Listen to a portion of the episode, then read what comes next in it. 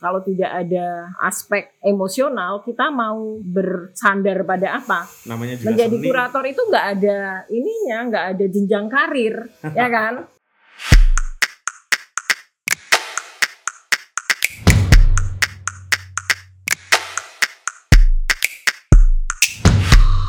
Halo, ketemu lagi dengan saya Putut ya, Kepala Suku Mojo. Dan siang hari ini kami ngobrol dengan salah satu kurator yang sohor lah di Jogja. Di internasional lah, kalau Alia itu. Alia Swastika. Halo, Selamat siang teman-teman, Mas Putut. Makasih undangannya. kamu udah kayak apa ya, ibu pejabat. gitu. Iya, aku udah keseringan membuka acara, Acara, jadi iya. kayak template Acara eh, gitu. acara-acara, udah sering ketemu orang pemerintah tuh Eh. kayak gitu. Alia itu kan dulu seingatku ini ya, kamu tuh ya. Kuliahnya di sospol ya. Sospol komunikasi. kok bisa menceburkan diri ke seni rupa? Bisa cerita dikit nggak? Sebenarnya aku senang seni sejak kecil ya. Kalau kecil kan biasa ya semua anak kecil di generasi itu sering lah nonton ketoprak, Hmm. nonton wayang, nonton banyak pertunjukan gitu dan aku merasa sejak itu emang senang gitu kok. Hmm. Aku happy ya kalau lagi berada dalam situasi seperti itu gitu. Terus waktu SMA kebetulan aku sekolah di SMA 3 gitu. Oh iya, Pak Mana. Heeh, SMA 3 kan orangnya pintar semua gitu. Aku Berarti kayak kamu yang pintar dong ya? Paling bodoh di situ. Jadi aku kayak yang selalu kalau rapotan tuh paling jelek gitu lah ya. Masa sih? Ah, gitu? benar benar. Tapi Aku paling di UGM. ranking 38, 39 tuh udah sering banget gitu. Ah. Jadi eh, lumayan apa ya stres buat aku pengalaman sekolah di sana Waktu karena semua orang tuh pinter gitu. Terus aku sering lumayan berdebat sama guruku gitu. Nah beberapa guru kalau tidak suka mereka ngeluarin aku gitu. Kamu udah nggak usah di kelas keluar aja gitu. Terus, nah kebetulan depan sekolahku kan Bentara Budaya. Betul. Nah, terus itu aku Bentara mulai Budaya oh, Jogja ini, bu- Mas. Bentara budaya terus sampingnya waktu itu Karta Pustaka. oh iya. Hmm, depannya Pustaka. kan Karta Pustaka. Bener. Jadi ya udahlah kalau aku dikeluarin guru aku main ke Bentara gitu beberapa kali nonton pameran terus sering baca buku di perpustakaannya Karta Pustaka gitu Hmm. dan eh, perpustakaan itu jadi tempat aku apa ya melarikan diri memang dari kayak sistem pendidikan yang aku emang kurang cocok gitu ya. Mungkin emang aku nggak bisa berada dalam situasi yang eh, represif gitu. Kalau belajar tapi ukuran-ukurannya represif gitu. Nah terus ya itulah mulai seneng karena sering Eh. nonton pameran. Gitu. Nggak, terus menceburkan diri. Seingatku dulu B21 juga kamu kan? Dulu B21 terus B21 eh, itu belajar ya. kunci kan. Tempat apa Persma. Persma, ya? Persma, tapi Sumur. Universitas skalanya ya. Heeh, heeh. Universitas Gajah Mada. Jadi Alia ini jurusan komunikasi. Komunikasi. Komunikasi UGM angkatan Aduh angkatan Nggak ya? Oke. angkatan tua malu. enggak yang jelas komunikasi UGM ini salah satu jurusan yang prestisius di UGM. Paling waktu itu masuknya susah. Susah gitu. banget, Iya. heeh, Iya, di zamanku itu mungkin masih 10 besar lah yang paling Iya. susah. heeh. Jadi yang masuk situ biasanya anak pinter. Atau anak beruntung gitu. Oh, iya. kamu kamu merasa pinter atau Lebih beruntung? merasa beruntung. Nah, aktif di B21 itu adalah Persma Hmm. gitu ya. Terus belajar nulis. oke, terus kemudian ken- kenapa bisa aku jadi kurator gitu? Kurator seni rupa ya. mm-mm. Sebenarnya kalau khusus seni rupa itu belakangan ya memang dan sampai sekarang pun saya masih tertarik bidang-bidang seni yang lain nggak hanya oke. seni rupa gitu. Tapi Ah, saya sempat juga menjadi bagian dari kunci. Waktu kunci. itu namanya kunci kunci, Kunci Cultural, Cultural Studies, Studies, ya. Center masih ada Oke. seperti itu ya. Sekarang mereka ganti nama menjadi Studi Forum Kolektif. Oh iya. Heeh. Enggak. Oh, sudah bukan namanya udah bukan cultural kunci. center lagi tetap kunci, Tetap kunci, tapi, tapi tetap bukan kunci mungkin mereka udah nggak percaya gagasan center nggak gitu jadi lebih kolektif gitu Oh, Oke, oke, oke. Menarik. nah saya belajar kajian budaya kan di Ya. situ terus eh, pada saat yang sama sering main-main dengan banyak hal termasuk dulu sering ke insis gitu ya jadi relawan kalau insis punya. Ya, ya. benar-benar mulai dari nol ya. Kadang eh, penerjemah. Kalau ada pelatihan yang pesertanya dari luar negeri kita jadi penerjemah terus ya notulen jadi awalnya hal-hal seperti itu lebih mencari pekerjaan kan masih mahasiswa cari tambahan. Tapi ternyata saya senang gitu dengan situasi apa belajar yang lebih terbuka gitu. Jadi eh, masa akhir kuliah saya menghabiskan waktu di tiga tempat itu ya di B21 di Persma di Insis gitu. Dan sebenarnya di situ mempertemukan saya dengan banyak seniman juga. Nah dari situlah kemudian makin cukup intens lah kerja di kesenian. Pertama kali nguratori, ingat gak Alia? ingat eh, waktu itu saya ya butuh cari kerja ya udah lulus pasti kan apa orang tua mau kerja apa Ya, gitu kamu kan komunikasi B21 mestinya nggak sus nggak susah lah cari kerja. Hmm, saya udah dua kali, tiga kali mungkin yang ngelamar kerjaan yang formal ditolak. Iya, baru tiga kali. Tapi kayak Kompas itu, saya Oh, ini oh, ngomong pernah. langsung ya, ditolak sama Pernah Kompas. Itu. Udah sampai wawancara ya, udah Oke, sampai oke, tahap oke. wawancara. Kalau pas mang susah. Heeh. Terus beberapa yang lain gitu. Terus mau sekolah lagi cari beasiswa Hmm. ditolak juga. Jadi hmm, terus aku mikir mungkin memang kerja yang formal kantoran Hmm. itu bukan jalanku gitu. Terus cemeti waktu itu buka lowongan gitu. Hmm. Terus saya merasa tertarik kesenian, pengen belajar lebih banyak gitu. Terus ya udah aku ngelamar di sana di Cemeti Art House waktu itu Iya. namanya. Terus keterima gitu. Waktu itu namanya bukan kurator sih, tuh? artistic manager. Oh. Jadi lowongannya itu bernama artistic Artistic manager, manager. tetapi salah satu kerjanya sebenarnya kerja kuratorial Hmm. gitu.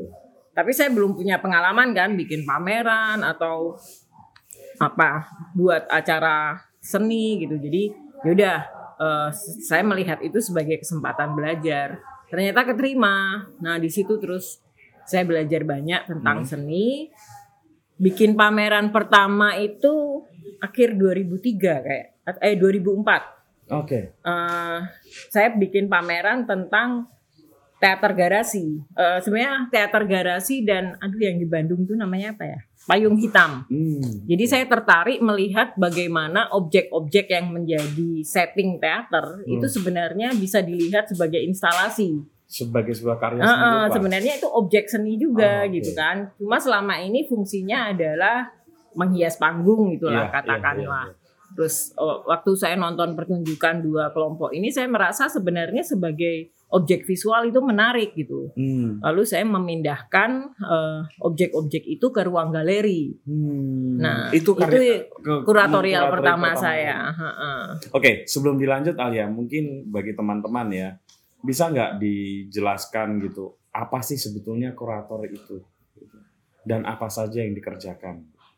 Hmm, kompleks ya pertanyaannya. Setiap orang juga pasti bisa punya definisi Iya, sendiri iya, ya. iya. Tapi Alia. ya, eh, kalau saya kalau job desk gitu ya, kalau kita ngomong profesional sebagai job desk gitu, eh, kurator tergantung. Ada kita kerja di museum kalau di Hmm. luar negeri ya. Ya. Kalau di sini sih kurator museum tuh tidak harus latar belakangnya seni kan dia bisa antropolog itu juga ya. banyak jadi kurator atau arkeolog bahkan kalau Hmm. di museum nasional.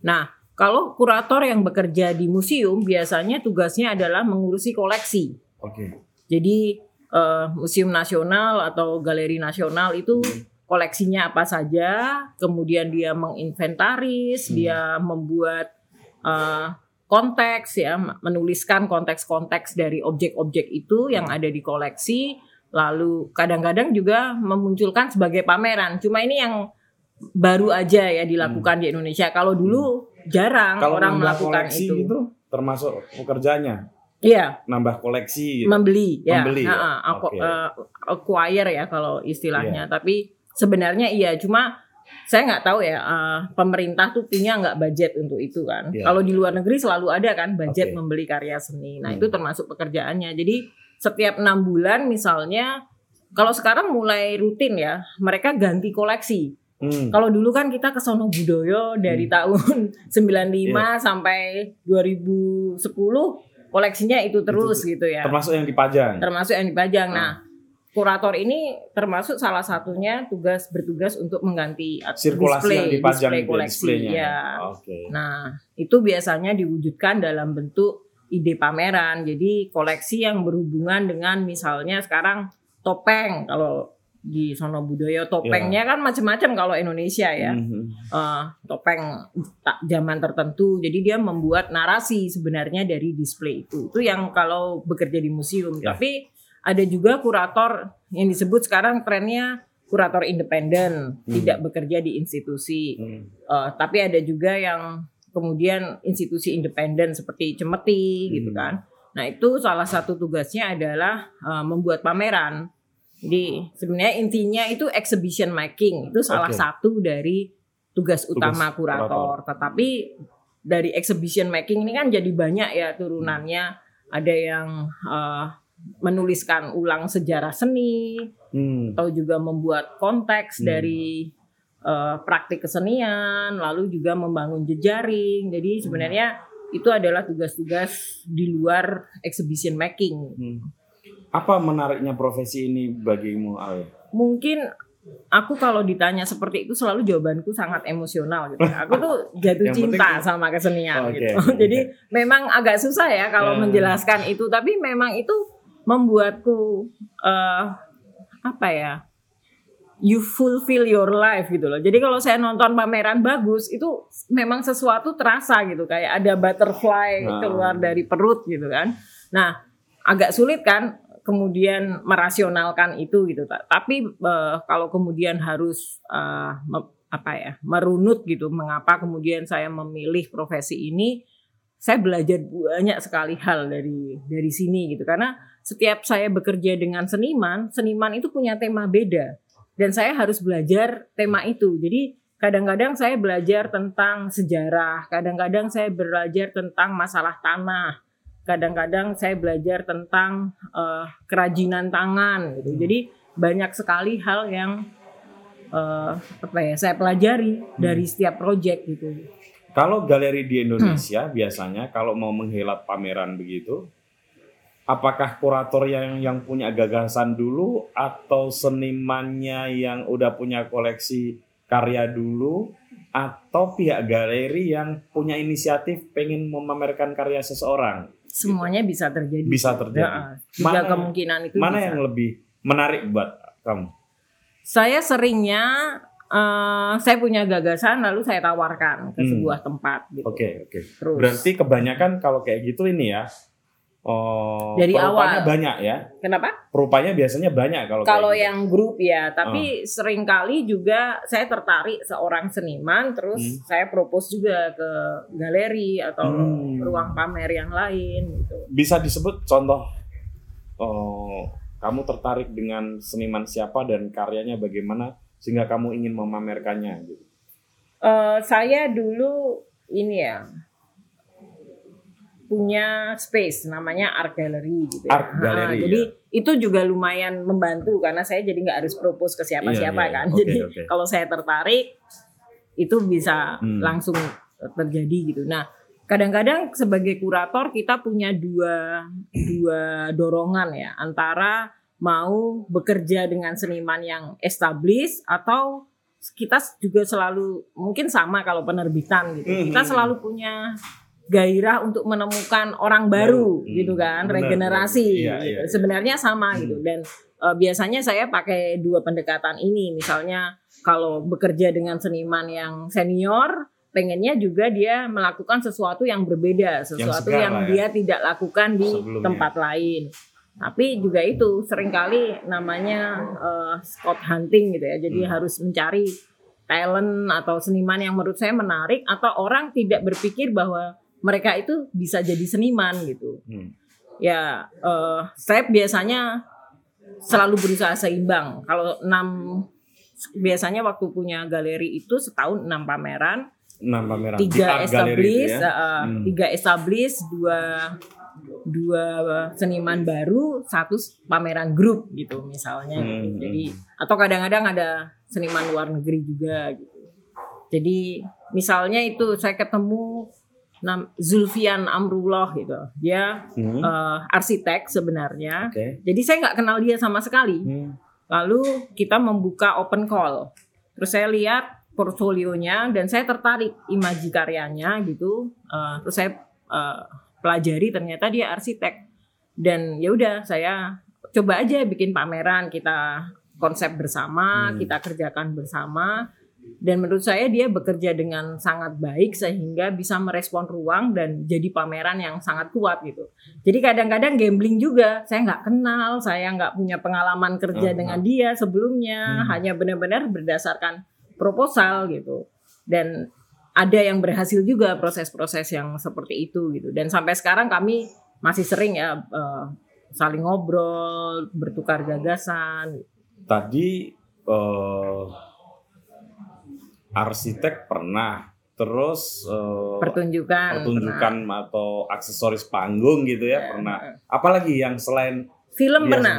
Film apanya Ah, yang Fauzan? Rizal, Oh, Fauzan Rizal tahu. Fauzan Ya. Rizal dan Katia Engel ya itu eh, pasangannya. Jadi Hmm. Katia itu penari sebenarnya. Terus Fauzan kan pembuat film ya. Terus eh, kita ngobrol ketemu, terus saya tertarik gitu karena video-video Fauzan menurut saya bisa dilihat sebagai eh, video seni juga gitu dan eh, pertunjukan si Katia itu lebih arahnya performance gitu. Jadi kami pernah memamerkan juga mereka berkolaborasi. Jadi hasilnya lebih film tari gitu dengan aspek-aspek visual yang sangat kuat gitu.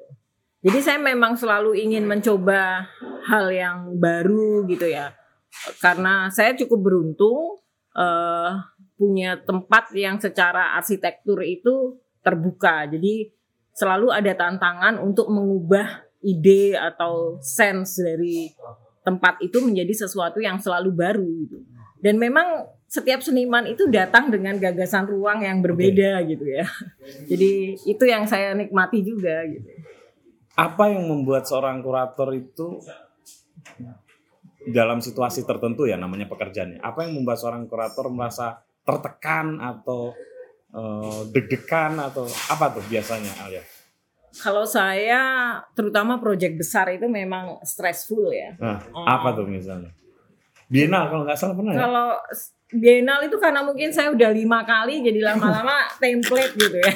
Oh lima kali. Ah, tapi kalau kirim karya ke luar negeri atau ki- kirim eh, seniman luar negeri pameran di Indonesia Oh. itu paling stressful gitu karena kita tidak punya sistem pengiriman barang yang profesional gitu ya. Jadi Sampai sekarang.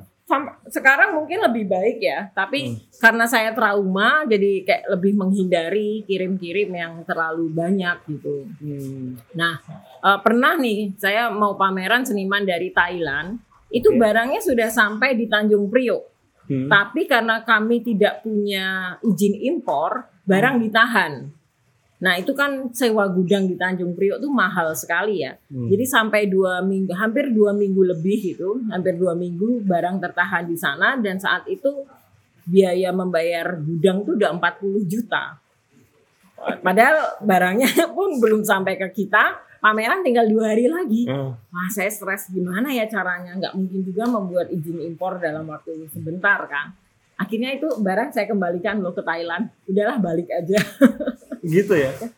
Waktu itu saya sampai ke Tanjung Priok beberapa kali gitu Hmm. benar-benar mencoba cara tapi eh, terlalu banyak mafia gitu ya mungkin di sana jadi akhirnya ya udahlah menyerah dibalikin aja lah ke Thailand kita nggak jadi pameran padahal saya udah keluarkan uang lumayan juga gitu Kalau mamerin artis dari luar negeri, apa biasanya hambatannya selain yang itu? paling banyak itu sih. Kadang-kadang ada juga kita tidak terbiasa dengan ini ya eh, membuat pameran yang secara logistik cukup apa spektakuler. Itu baru-baru aja terjadi sih. Hmm. Tapi waktu saya memulai sering membuat pameran multimedia tahun 2011, 2012 itu masih jarang orang punya proyektor yang high definition misalnya. Hmm. Nah, sementara seniman-seniman luar negeri tuntutannya selalu seperti itu. Hmm. Saya mau memamerkan video saya tapi proyektornya harus seperti ini, soundnya Oke. harus seperti ini gitu.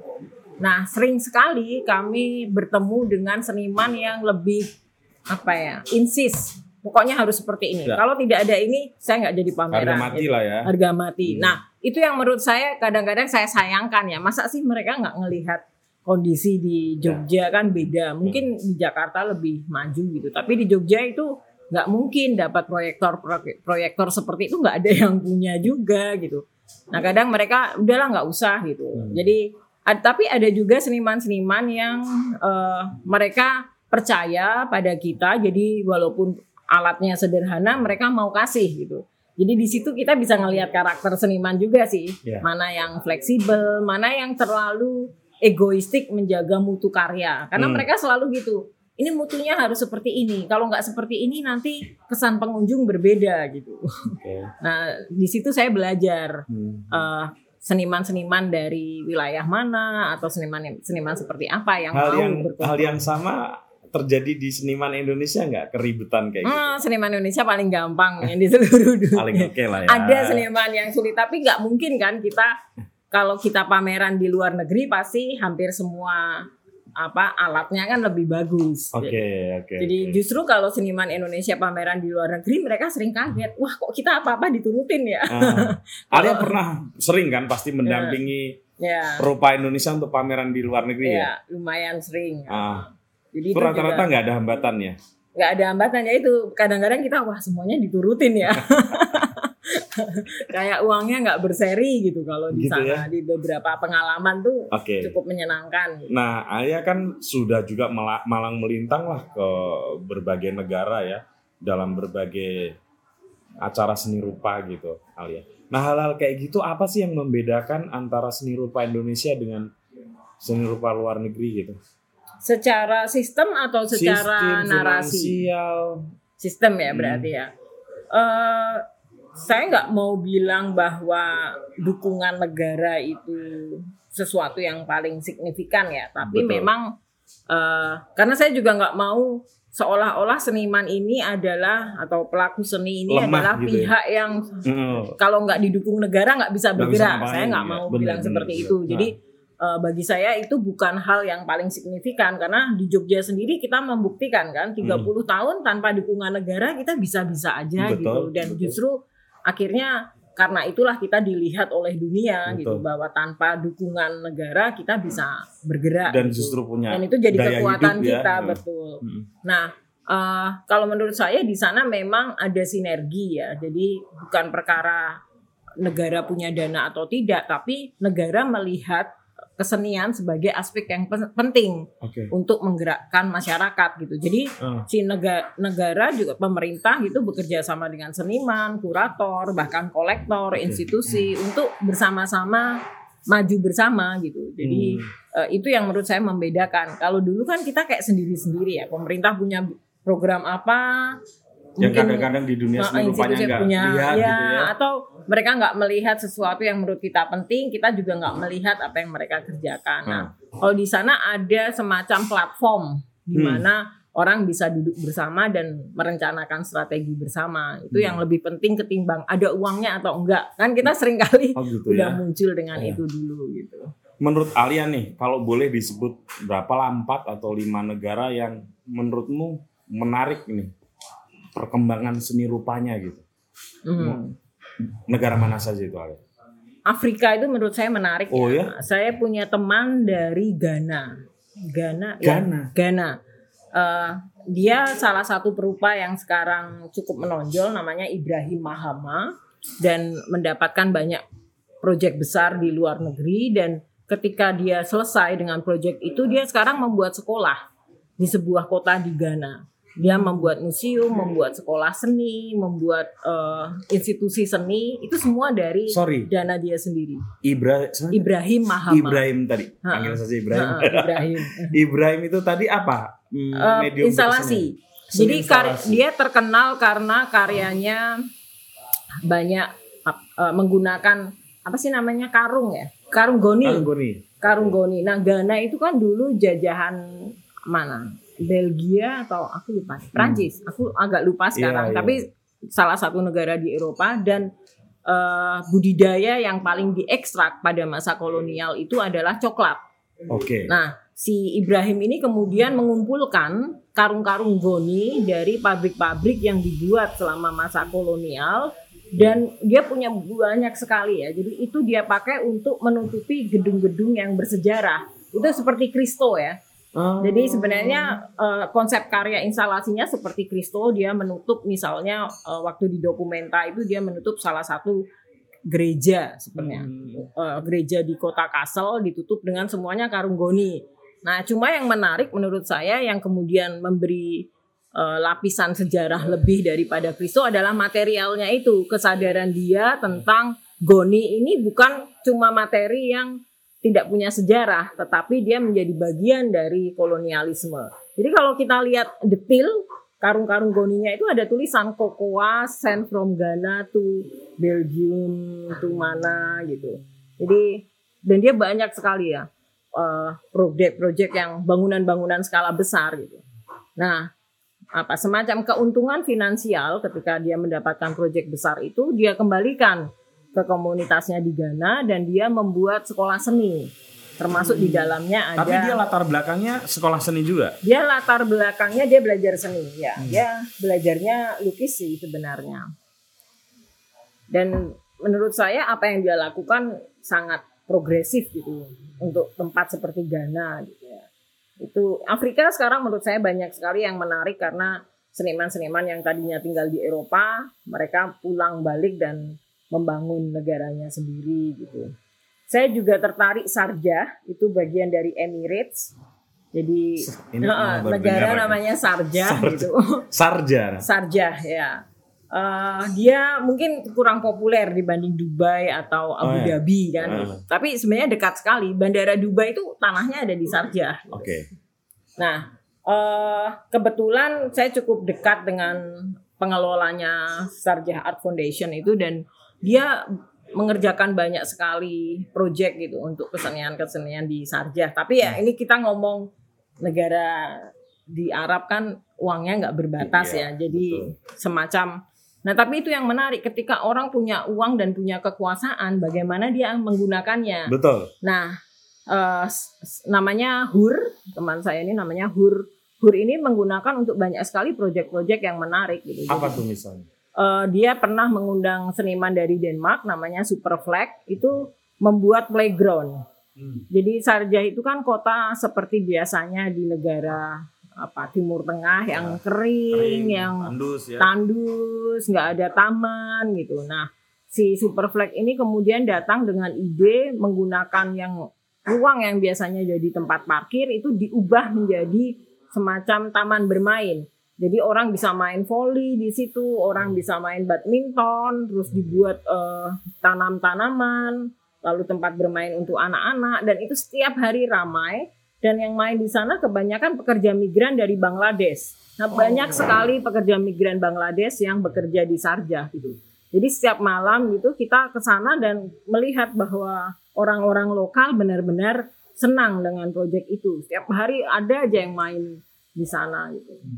Karena memang sebelumnya sangat sulit ya mencari uh, ruang terbuka di mana imigran mereka punya kebebasan untuk menggunakan ruang itu dengan gratis gitu lah. Hmm. Mana satu lagi deh negara lagi? Satu lagi negara lain Afrika, Brazil itu juga menarik. Uh, kita juga pernah di Biennale Jogja bekerja yeah, sama dengan ya. Brazil ya. ya. Uh, nah Brazil ini menurut saya menarik karena dia adalah negara yang apa gap ekonominya paling tinggi di dunia. Jadi jarak antara orang kaya dengan orang ya. disparitasnya paling tinggi di dunia kan. Nah, saya sempat merasakan itu uh, bertemu dengan kolektor-kolektor Brazil yang super kaya gitu. Bahkan salah satunya sekarang di penjara karena ketahuan korupsi. Tapi pada saat yang sama saya juga berkunjung ke favela gitu. Jadi per, perkampungan kumuh itu ya. Dan uh, saya melihat ada beberapa seniman yang semacam bunuh diri kelas gitu ya. Uh. Jadi mereka meninggalkan kehidupan yang mewah di kota kelas gitu, gitu kelas ya. menengah, hmm. mereka pindah ke favela dan hidup bersama masyarakat di situ gitu, melakukan proyek-proyek kesenian gitu. Jadi saya kira kita juga belajar ya Paulo Freire, hmm. terus banyak sekali apa tokoh-tokoh gerakan iya. Amerika Latin dari Brasil yang selalu punya tradisi untuk ingin mengubah masyarakat gitu. Nah, eh, banyak sekali seniman Brazil yang masih berada atau memegang tradisi itu gitu. Nah, Alia sebetulnya Indonesia ini dianggap atau dilihat enggak sih dalam apa ya dalam ekosistem seni rupa dunia gitu dan kalau iya di titik apa melihat Indonesia susah sih pertanyaannya ya. Eh, kita bukannya dianggap tidak ada oke tapi juga belum dilihat sebagai pemain utama Wah, gitu berarti ya. antara ada dan jadi tiada ada ya. dan tiada kalau kita mau berusaha ya Ah. bisa kelihatan kalau enggak Oke. ya orang lupa nggak ada Indonesia juga nggak masalah kayaknya gitu ya Hmm. situasi kayak lewat begitu saja lewat gitu begitu ya. saja dan Oh, itu gitu sering ya. kali terjadi dalam Hmm. proyek-proyek seni internasional kelupaan disebut nggak ada Lu- padahal ya? pemerintah sudah mengeluarkan miliaran gitu tapi Oh, oke. kemudian eh, orang ternyata kalau kita baca namanya Venice Biennale misalnya oke ya oke pemerintah kan lumayan besar tuh budgetnya untuk itu tapi kalau kita baca review Huh? tentang Venice jarang sekali yang menyebut pavilion Indonesia Oh, ya? gitu. Jadi hal-hal seperti itu Hmm. kadang eh, tidak dilihat sebagai ukuran keberhasilan ya. Apakah modelnya itu membuat kita dipercakapkan atau enggak? Itu yang menurut saya juga penting gitu. Kalau dibanding apa negara Asia, Cina, Korea, Taiwan,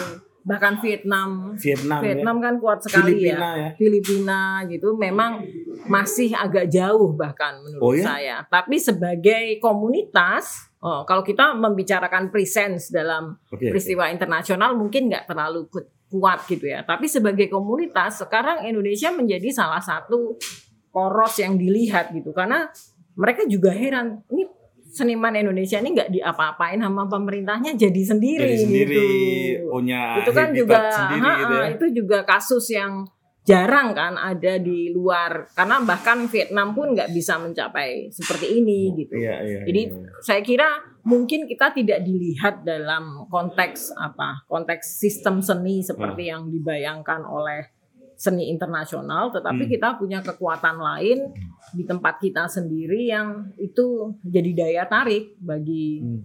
orang-orang lain Oke, Alia, kalau kita kurang dilirik lah Hmm. ya, eh, itu persoalannya ada di mana? Apakah ada di kekuatan karya para perupa kita, atau ada di persoalan manajerial, promosi dan lain sebagainya? Eh, mungkin kalau saya jujur ya, eh, memang tidak banyak seniman Indonesia yang sebenarnya bukan pada kekuatan karya berkaitan dengan bentuk ya. Kalau Ya. bakat menurut saya seniman Indonesia semua Oh, ya. bakatnya luar Benar. biasa ya.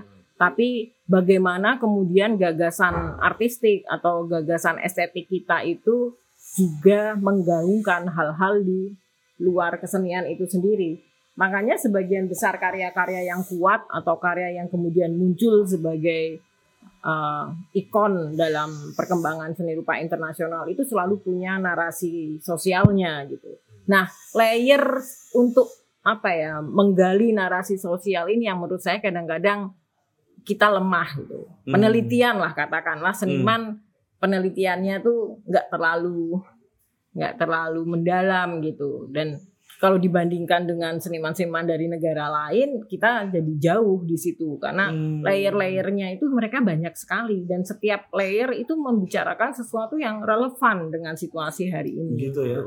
Jadi pertama itu juga mempengaruhi, kedua it- oke. promosi juga mempengaruhi. Hmm. Dalam pengertian kadang kita promosi di tempat-tempat yang nggak strategis gitu.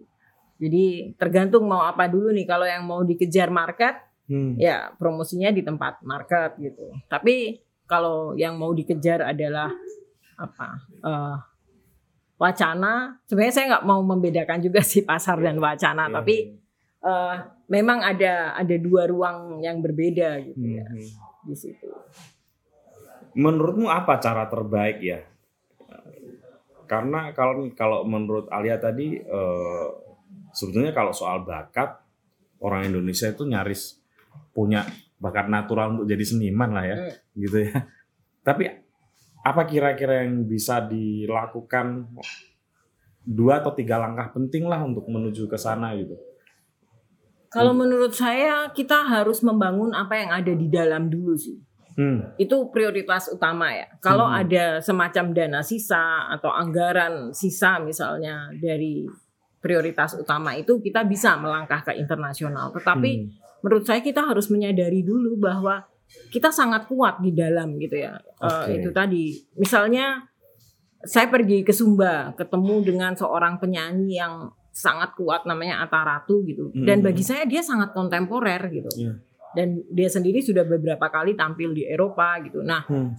em, ini yang menurut saya jarang sekali ditemukan di tempat-tempat yang lain gitu. Hmm. Jadi eh, apa kita melihat lagi apa yang kita punya di sini dan itu dijadikan sebagai modal untuk membangun ekosistem lokal gitu. Hmm. Termasuk juga itu tadi ya, memperkuat narasi-narasi dan konteks karya seniman Indonesia, memberi mereka dana untuk melakukan riset karena Iya. ketika ada ternyata hasilnya tuh Beda. sangat berbeda. Oke. Saya s- sudah cukup sering ya membuktikan di Bienal gitu. Ketika Mhm. seorang seniman kita kirim melakukan riset ke Mandar, ke Pontianak, ke Hmm. Aceh, mereka melihat hal yang berbeda karena terbiasa di rumah sendiri kan. Ketika kemudian pergi keluar, tiba-tiba mereka melihat konteks-konteks sosial yang lebih kompleks gitu. Nah, itu biasanya melahirkan karya yang lebih bagus gitu, lebih kuat gitulah. Nah, kalau ini bisa dilakukan, memberi ruang bagi seniman untuk melakukan riset, membangun eksperimen artistik, dan pada saat yang sama kita juga memperkuat jejaring dalam negeri, itu saja sudah membawa orang dunia internasional untuk melihat kita gitu. Kan yang menurut kami penting itu menjadi internasional itu bukan harus pergi ke luar negeri kan. Tetapi justru bagaimana menjadikan Jogja atau Indonesia itu menjadi bagian dari dunia seni global gitu. Hmm. Kalau Bali gitu, dalam konteks seperti itu, itu juga nggak dianggap sebagai bagian dari Indonesia atau mungkin sudah tidak sudah tidak menarik lagi dalam kontestasi perkembangan seni rupa di dunia. Bali sekarang mulai naik lagi ya. Ada banyak seniman-seniman muda yang saya kira eh, sangat menjanjikan di Bali. Jadi mungkin justru karena Bali cukup lama hiatus nih. Kalau kita bandingkan dengan Jogja, Jogja, Bandung gitu kan, oke. Bali cukup lama vakum gitu ya. Hmm. Dan sekarang saya melihat eh, beberapa kali ke sana ada seniman-seniman baru yang eh, punya apa, eksperimen visual yang menarik dan keinginan untuk itu tadi melakukan riset-riset visual Hmm. gitu. Jadi saya kira eh, Bali ini juga tetap bisa jadi salah satu poros atau hub bagi seni rupa, tetapi kita tidak berharap lagi situasi yang sama ketika Walter Space di sana atau Ya, siapa eh, Lima Yur di sana Iya. gitu kan karena memang eh, justru dulu Bali itu kan didefinisikan oleh orang Eropa orang Eropa. nah ini yang sekarang kemudian mulai dilawan oleh Hmm. seniman-seniman mudanya jadi ada banyak sekali art space baru kolektif-kolektif baru yang menurut saya menarik gitu Nah, di Indonesia kan juga ada banyak sekali perhelatan eh, seni rupa. Jakarta, Jogja, Makassar gitu ya. Jogja aja banyak ya. Jogja paling banyak Mm, mungkin ya. Dari mulai tingkatnya internasional sampai galeri-galeri gitu. Hmm. Apa yang masih perlu dioptimalkan dari eh, apa ya? Dari kegiatan-kegiatan seperti itu. Kalau saya selalu melihat kebetulan saya juga bekerja di Biennale Jogja Ya. gitu ya. Jadi Sekarang direktur ya masih. masih Ya. ya. Jadi eh, bagaimana Biennale ini menjadi ruang yang tidak hanya berhenti sebagai event organizer gitu kan. Jadi Nah, tidak itu dia. hanya tugasnya menyelenggarakan pameran Hmm. gitu, tetapi juga memberi dampak jangka panjang bagi semua yang terlibat di situ. Gitu. Oke. Termasuk itu tadi program-program residensi itu menurut saya sangat penting untuk Ah. pergi keluar tidak hanya keluar negeri ya, Iya. tetapi pergi keluar Jawa lah katakanlah dan pengalaman mempertemukan seniman dari luar negeri, dari luar Jawa Hmm. dengan seniman lokal itu sangat menarik menurut saya. Tahun Hmm. lalu misalnya kita eh, ada seniman yang satu kelompok seniman yang residensi di Similoe. Similo. Similoe kan Similo. ngomongnya Nah, saya selalu belepotan Iya. ngomongnya tapi mereka tinggal di Similoe selama tiga minggu Oh, oke. dan di situ mereka belajar jadi satu seniman Malaysia satu seniman dari Palu satu Hmm. seniman dari Jawa Aha. dan seniman Aceh sendiri gitu Ah, ah. mereka belajar tentang pengalaman Tsunami. menghadapi tsunami Oke. gitu nah si seniman uh, Malaysia kemudian membuat karya dari situ yang sangat puitis gitu ya. Dia Oh, ya? mencatat uh, jadi tsunami itu atau gempa diajarkan melalui dongeng sebelum tidur. Benar. Jadi setiap malam nenek-nenek itu Iya. smong smong smong itu kan artinya tsunami, ya. Tsunami. Nah, terus dia membuat teks itu dengan Hmm. embroidery. Lalu Hmm. dia membuat kasur yang kasurnya berbentuk pulau Sinolei gitu. Hmm. Nah, menurut saya itu eh, pengalaman yang kalau dia tidak pergi ke sana, Hmm. dia tidak akan menciptakan karya yang seperti itu gitu ya. Dan termasuk juga eh, pengalaman bersama-sama bersama teman yang dari Palu kan mengalami tsunami juga Iya. kan. Oke. Nah, jadi eh, pertemuan, ruang pertemuan di konteks-konteks yang sangat spesifik itu menurut saya bisa menghasilkan karya-karya yang kuat gitu. Ah, Waktu itu kita juga mengirim Sufi, seniman Madura yang Madura ya. Iya, eh, iya. tinggal di Jogja sekarang untuk pergi ke Pontianak. Saya bilang kamu harus menelusuri nih apa yang Waduh. terjadi tahun Deg-degan nggak 99. dia? Oh, dia udah kata dia itu memang salah satu pengalaman yang paling apa ya? paling menggoncang dalam hidupnya gitu. Karena kemudian dia bertemu misalnya dengan seorang keturunan Dayak Hmm. yang eh, seorang Dayak yang ternyata terlibat dalam pembantaian Hmm. pada waktu itu. Jadi seperti bertemu musuh yang tidak pernah dia kenal gitu kan. Hmm. Jadi eh, dia mendefinisikan kembali rasa sakit, mendefinisikan kembali bagaimana melepas dendam gitu atau memaafkan gitu. Hmm. Jadi itu pengalaman emosional yang sampai sekarang kemudian eh, apa ya menginspirasi karya-karyanya. Nah yang kayak gitu tuh kalau khusus untuk sufi gitu ya, Hmm. itu terus dia diekspresikan dalam bentuk apa? Dia membuat video yang eh, ada puisinya di situ, terus Oh. ada semacam catatan teks-teks yang dia pajang di dinding gitu. Hmm. Jadi memang karyanya nggak terus yang penuh darah Iya. gitu ya atau ingatan-ingatan yang eh, terlalu kasar tentang kekerasan gitu, Hmm. tapi justru puitik gitu. Jadi Oke. seperti dia melihat ke dalam dirinya sendiri sebagai orang Madura gitu. Nah terkait dengan tadi sempat disebut beberapa daerah ya. Eh, selama ini kan seni rupa identik dengan Jogja, Bandung, Bali gitu. Nah bagaimana dengan perkembangan perupa-perupa di daerah lain yang mungkin banyak sekali gitu? Eh, sekarang ada beberapa program seperti eh, waktu itu teman-teman dari Forum Lenteng sempat Hmm. bekerja sama dengan Kemendikbud gitu ya. Mereka membuat pekan seni media di Pekanbaru dan di Palu misalnya. Jadi sekarang banyak sekali sih saya kira eh, inisiatif-inisiatif Ya. untuk membuat eh, pameran seperti itu Hmm. di luar Jawa gitu. Nah, yang menurut saya penting adalah kesadaran bahwa oh, di kalangan seniman sendiri ya, pergi ke Eropa atau nonton pameran di Hong Kong, di Tokyo itu sama pentingnya dengan karyamu tuh ada di Pontianak, ada di Makassar gitu kan. Nah, salah salah salah satu cita-cita saya tuh sebenarnya itu Hmm. membuat seri pameran di kota-kota kecil. Oke. Jadi orang tidak harus berpikir kalau nonton seni kontemporer harus ke Jogja, harus Hmm. ke Bandung, harus ke Hmm. Jakarta. Seolah-olah kan selama ini Iya. begitu ya. Gitu. Itu kenapa saya ketemu Besi itu juga Hmm. berpikir gitu. Misalnya Hmm. nonton pameran karya Efek Harsono yang tentang etnis Cina Mm-mm. itu kan sangat dekat dengan sejarah kota Lasem itu Iya. sendiri. Kenapa nontonnya harus ke Jogja? Jogja. Kenapa nontonnya harus ke Jakarta, Jakarta. gitu? Hmm. Harusnya konteks-konteks seperti ini justru dipamerkan di wilayah di mana Hmm. risetnya dilakukan atau di mana karya-karya itu lahir Hmm. gitu. Nah, ini yang saya sedang godok nih pameran di kota-kota seperti Pekalongan Oh, gitu kan di. Pare-pare gitu Oh iya, ya. Pare-Pare, itu yang menarik eh, menurut saya harus mulai dipikirkan gitu. Iya, Jadi iya, iya.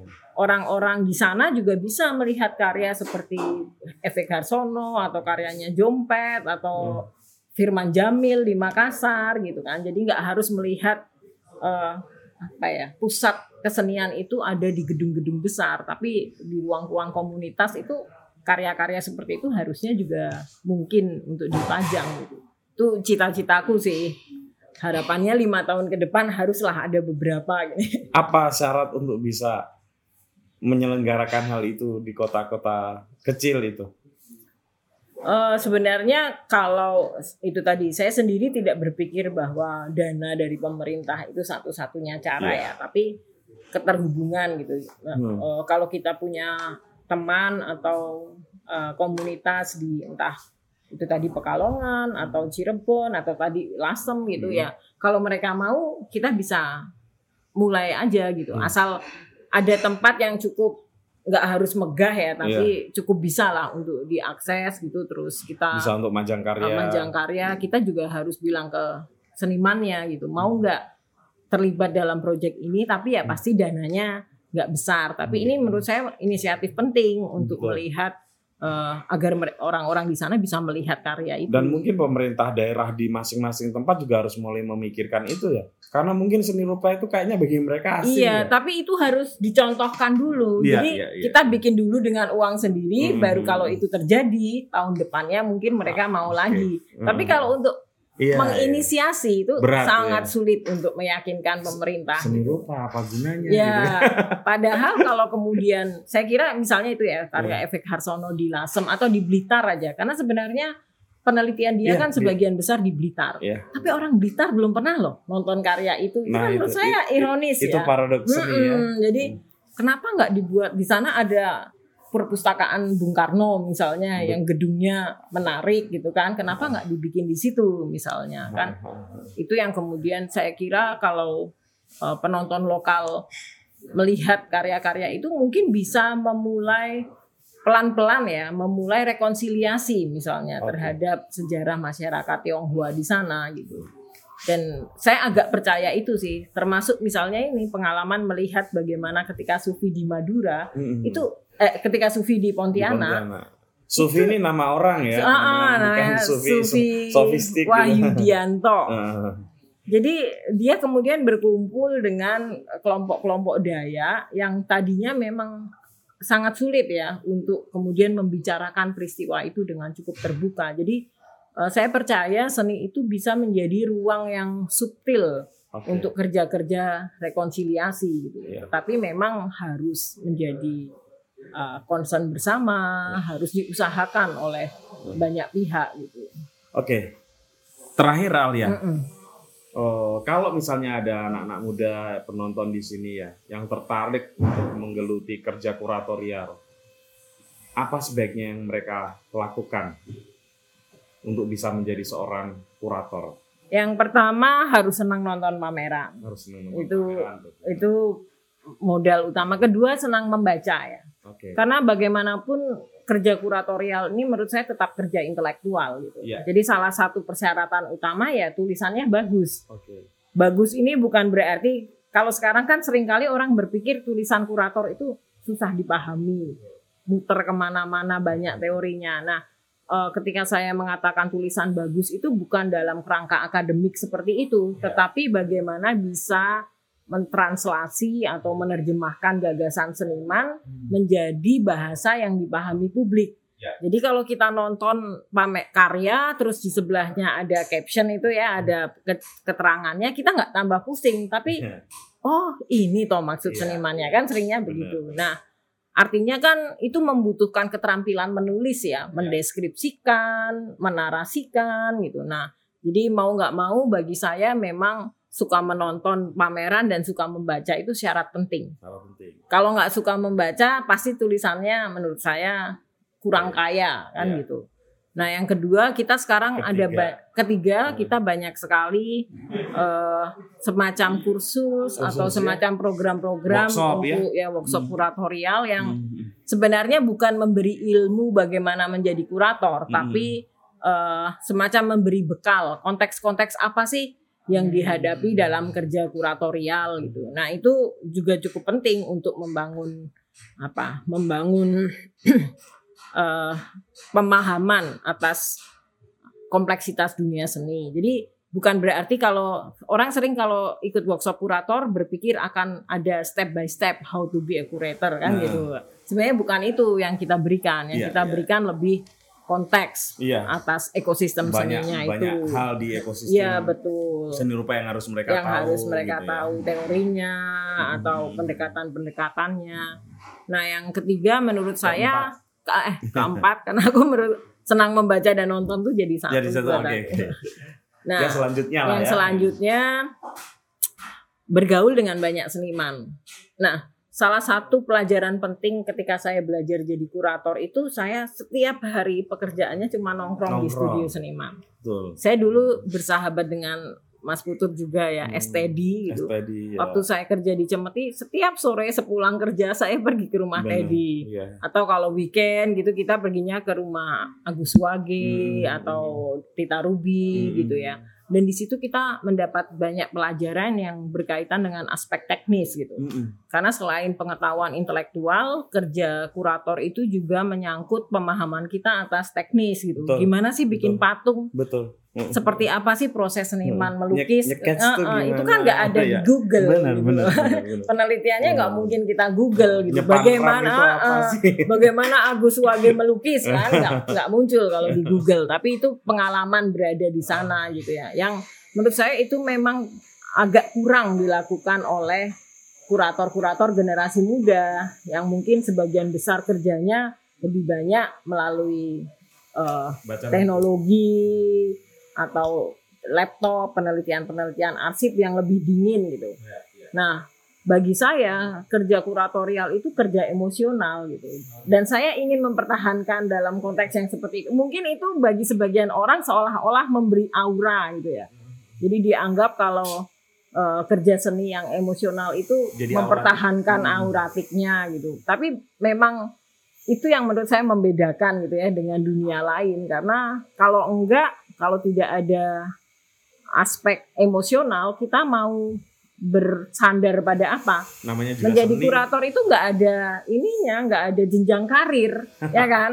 Benar. terus kalau kita nggak punya kepuasan emosional kita kerja mati-matian untuk apa gitu? Jadi buat saya ukuran emosionalnya ini jadi lebih penting karena nggak ada jenjang karir kok.